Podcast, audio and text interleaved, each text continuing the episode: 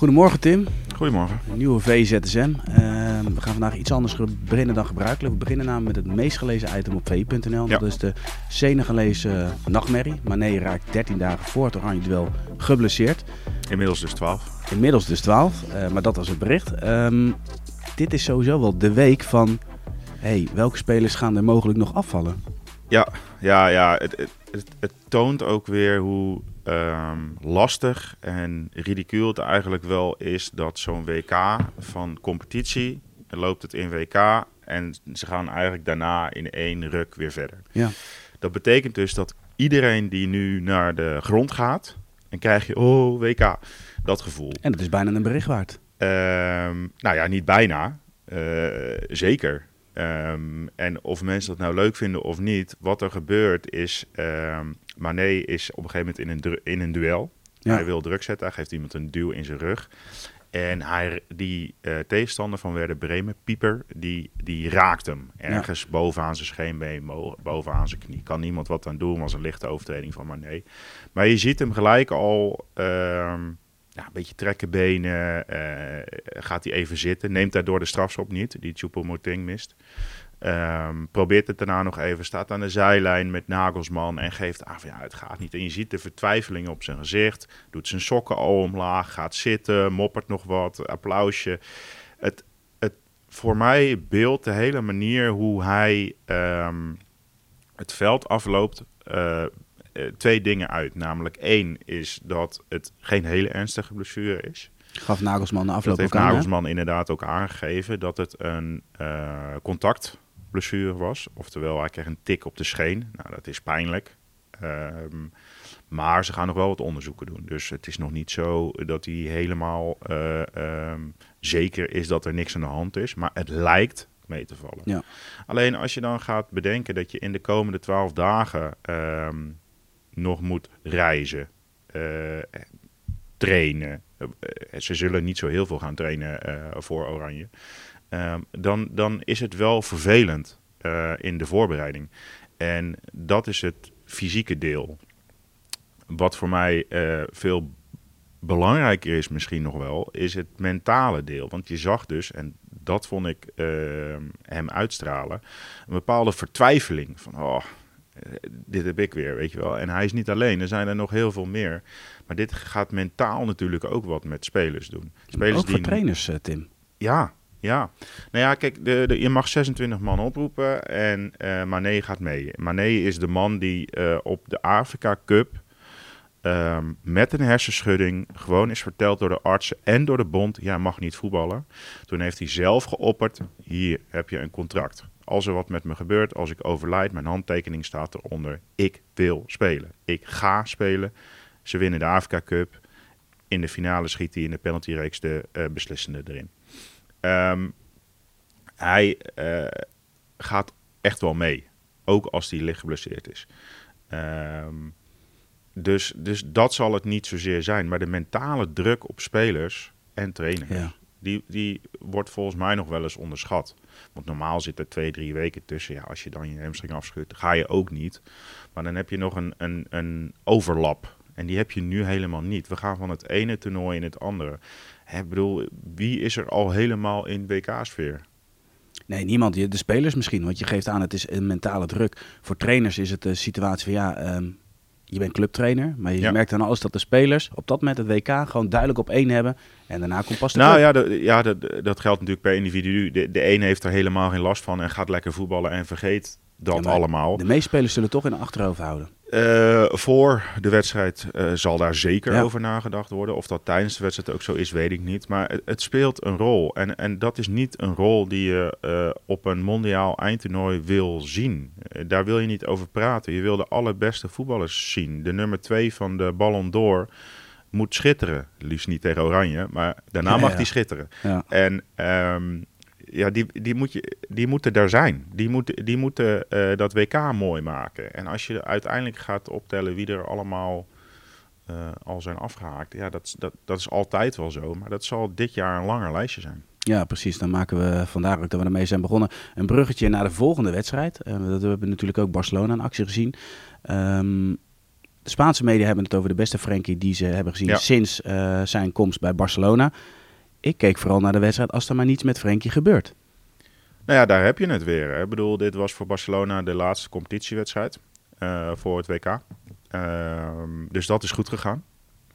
Eh, hij heeft goed gespeeld. Ehm, maar ook, ja, eigenlijk wat ik net al zei, die mentale druk speelt een rol. En ehm, nou heeft Barcelona met tien man zich nog opgericht en gewonnen.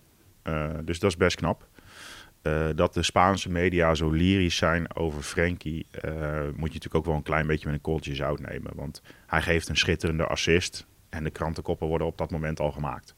Ehm, wat, als je eh, Frenkie zijn prestatie eventjes bekijkt, hij speelde op het middenveld.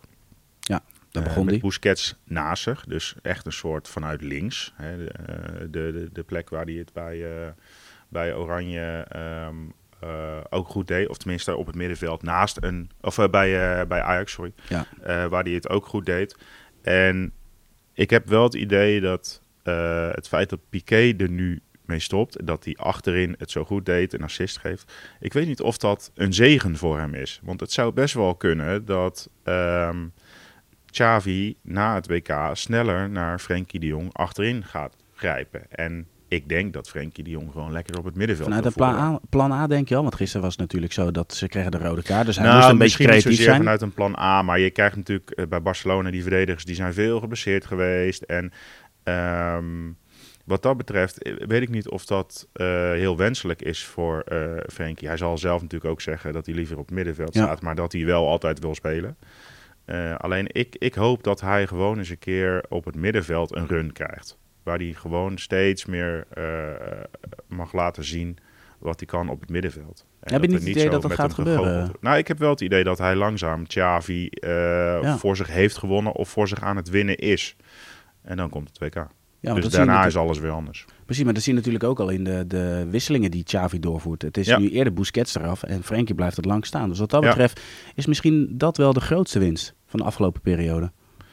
Eh, ja, misschien wel. Maar als hij dan na, de, eh, na het WK achterin moet gaan staan Ja. en het middenveld begint te draaien, eh, ja, dat is dan, dan ben je misschien slachtoffer van je eigen veelzijdigheid. Die, waar die overigens enorm voor wordt geroemd. En dat is ook logisch, want hij heeft een aandeel in een hele belangrijke zege. Want Barcelona gaat nu als koploper de, de, de pauze in, zeg maar. Omdat het is nu vijf punten met Real Madrid en dat moet nog spelen. Dus het kan nog tot twee punten komen. Dus ik snap wel dat ze lyrisch zijn en dat ze hem eh eh bewieroken. Alleen, eh, ik hoop vooral dat hij op het middenveld een, een vaste plek gaat krijgen. Ja, ze eindigen dus eh 2022 als koploper. Althans, 31 december wordt de competitie weer hervat zonder Gerard Piqué. Ja, En dan zo je einde in Leiden, ja. ja, ergens past het ook wel bij hem. Ja, nog even een rode kaartenrecord. Hij even naar Stoichkov met elf rode kaarten. Eh, maar heeft hij er wel eens eerder een in de tunnel eh, gepakt? Poeh, dat, dat, dat, dat heb ik niet direct paraat. Zou me niks verbazen. Eh, wel kaarten in de tunnel volgens mij. Ja. Ehm, maar ja, het, het past ook wel bij hem. Ik, het, ergens... Ik, ik, ik kreeg er wel een beetje een glimlach van, maar ergens heeft het natuurlijk ook wel iets neus. Ehm, en heb je zo'n afscheid gehad in Kamp Nou en dan is dit je laatste. Ehm, ja, wat moet je ervan zeggen? Ik bedoel, niet slim. Eh, en iedereen zal er een mening over hebben. Maar ja, Ja. ik denk niet dat de schorsing eh, eh, hem heel erg dwars zit. Nee, en het doet ook niets af aan het feit dat we gewoon ja, een mooie voetballer jarenlang aan het werk hebben gezien bij Barcelona. Ja. Dan gaan we afsluiten met het meest gelezen ja, item op VI Pro. Dat was in dit geval de video waarin Matthijs samen met Simon Zwartkruis en Suleiman Eusturk van de voorselectie een soort van voorspelling ging doen van ja, wie gaan daar mee naar Qatar. Eh, terugbrengen naar 26 spelers. Nou, echt een aanrader om die video te bekijken. Maar we kwamen al gelijk in, in dilemma's van ja, maar neem je dan drie of vier keepers mee? En eh, hoeveel aanvallers neem je mee ten opzichte van middenvelders? Hoe, hoe kijk jij daar eigenlijk naar? Waar, als je nou kijkt naar de bekendmaking van de selectie komende Mhm, vrijdag, mhm. waar ben jij het meest benieuwd naar? Waar ben ik het meest benieuwd naar? Nou, ik denk dat. eh, ik ben het meest benieuwd naar de voorhoede. Hij heeft een heleboel opties. Ehm, ik denk dat we er allemaal eh, wel over uit zijn dat mits Bergwijn eh, en mits vooral Memphis fit zijn, dat zij de twee aanvallers zullen worden. Ja, Ehm, maar in zijn plan B en wat hij daarachter heeft zitten, kan hij natuurlijk allerlei kanten op. Als je even snel wat namen noemt, Vincent Jansen, Brobby, Luc de Jong, Weghorst. Dat zijn een heleboel aanvallers die in eerste instantie waarschijnlijk niet in de basis zullen staan. Nee. Nou, eh, Van Gaal eh, die zal de, de wedstrijden al geïmagineerd hebben. En op het moment dat er een plan B of een plan C nodig is, dan weet hij al wat hij gaat doen. Maar of ze daar allemaal in passen, dat zal wel niet. Maar ik denk wel dat het interessant wordt welke keuzes die daar gaat maken. En uh, het is ook een beetje, je weet niet precies uh, hoe uh, zijn plan in elkaar zit. Hè? Als de, de keeper die het beste uit de penalty tests is gekomen, ook substantieel ja. beter dan de rest was. Wat nog steeds een groot raadsel is. Dan zou hij, ja precies, dan zou, zou dat een vierde man kunnen worden. Als dat nou een van de uh, namen is die uh, bij de eerste drie zit, neemt hij misschien drie keepers mee. Ja. Hoe zit je met fitheid? Moeten we op die lijst iemand zetten uh, omdat een andere vaste waarde, bijvoorbeeld Memphis, wel mee kan, maar misschien de eerste, de tweede groepswedstrijd niet kan spelen? Het lijkt erop dat hij het wel gaat halen, maar de precieze medische uh, status, hoe het echt met hem gaat, dat weet in principe alleen de bondscoach. Dus uh, het is best wel speculeren. Ik denk wel dat als je gaat kijken naar de basiself van Oranje, dat je met um, even van links naar rechts uh, Blind, Ake, Van Dijk, Timber, Dumfries. Nou, op het middenveld is Frenkie een zekere factor. Voorin Bergwijn, Memphis. Nou, je drie posities over. De ja. positie naast Frenkie, de positie van nummer 10 ja. en de positie van keeper. Ik denk dat dat de drie posities zijn die misschien niet voor Van Gaal, maar in ieder geval voor de buitenwacht nog wel open liggen. En um, ja, daar zal hij ook zijn, uh, zijn keuzes op afstemmen. Hij wil kunnen switchen in systemen. Dus het gaat vrijdag een hele interessante, interessante dag worden. Het is altijd uh, een feest, zo'n dag. Ja. Om dat te volgen, om te kijken hoe dat naar buiten wordt gebracht. En uh, ja, zodra die selectie bekend is, is daar natuurlijk enorm veel uh, waarde uit te halen vanuit journalistieke zin. Ja, want een beeld voor de, voor de mensen thuis. Uh, de redactie is dan vol. Op alle kanalen zijn we dan te volgen. Of het nou YouTube is, of ja. het nou VI.nl is, op VI Pro. Overal zijn we te volgen. En ja, eigenlijk iedere uitspraak van de bondscoach is al reuze interessant. Nou, weet je, er komt een persco aan. Ja. En iedere persco uh, met Van Gaal, of je, of je, dan, of je hem grappig vindt uh, of niet, dat, dat doet niet zo te zaak. Het is altijd vuurwerk, het is altijd spektakel. En ja, dit is natuurlijk spektakel in de overtreffende trap. Want uh, de WK-selectie wordt bekend. Dus veel groter wordt het niet. Ehm, en ik denk dat we dan langzamerhand vanaf vrijdag ook wel allemaal echt... Um, en dan bedoel ik niet alleen hier bij VI, maar ook zeg maar de fan, de buitenwacht, wel echt in de WK-sfeer gaan komen. Ik bedoel, ik spaar de panini-plaatjes. Ik weet niet of dat heel stoer is om te zeggen, maar daardoor heb ik wel zin in het WK. Maar ik denk dat heel veel uh, van onze vrienden zoiets hebben van, oh ja, het WK over twaalf dagen. Ik denk niet dat iedereen al op de radar heeft dat het nee. over twaalf dagen is. Het gaat eindelijk een beetje leven dan. Ja, dat hoop ik. Dat hoop ja, ik zeker. Precies.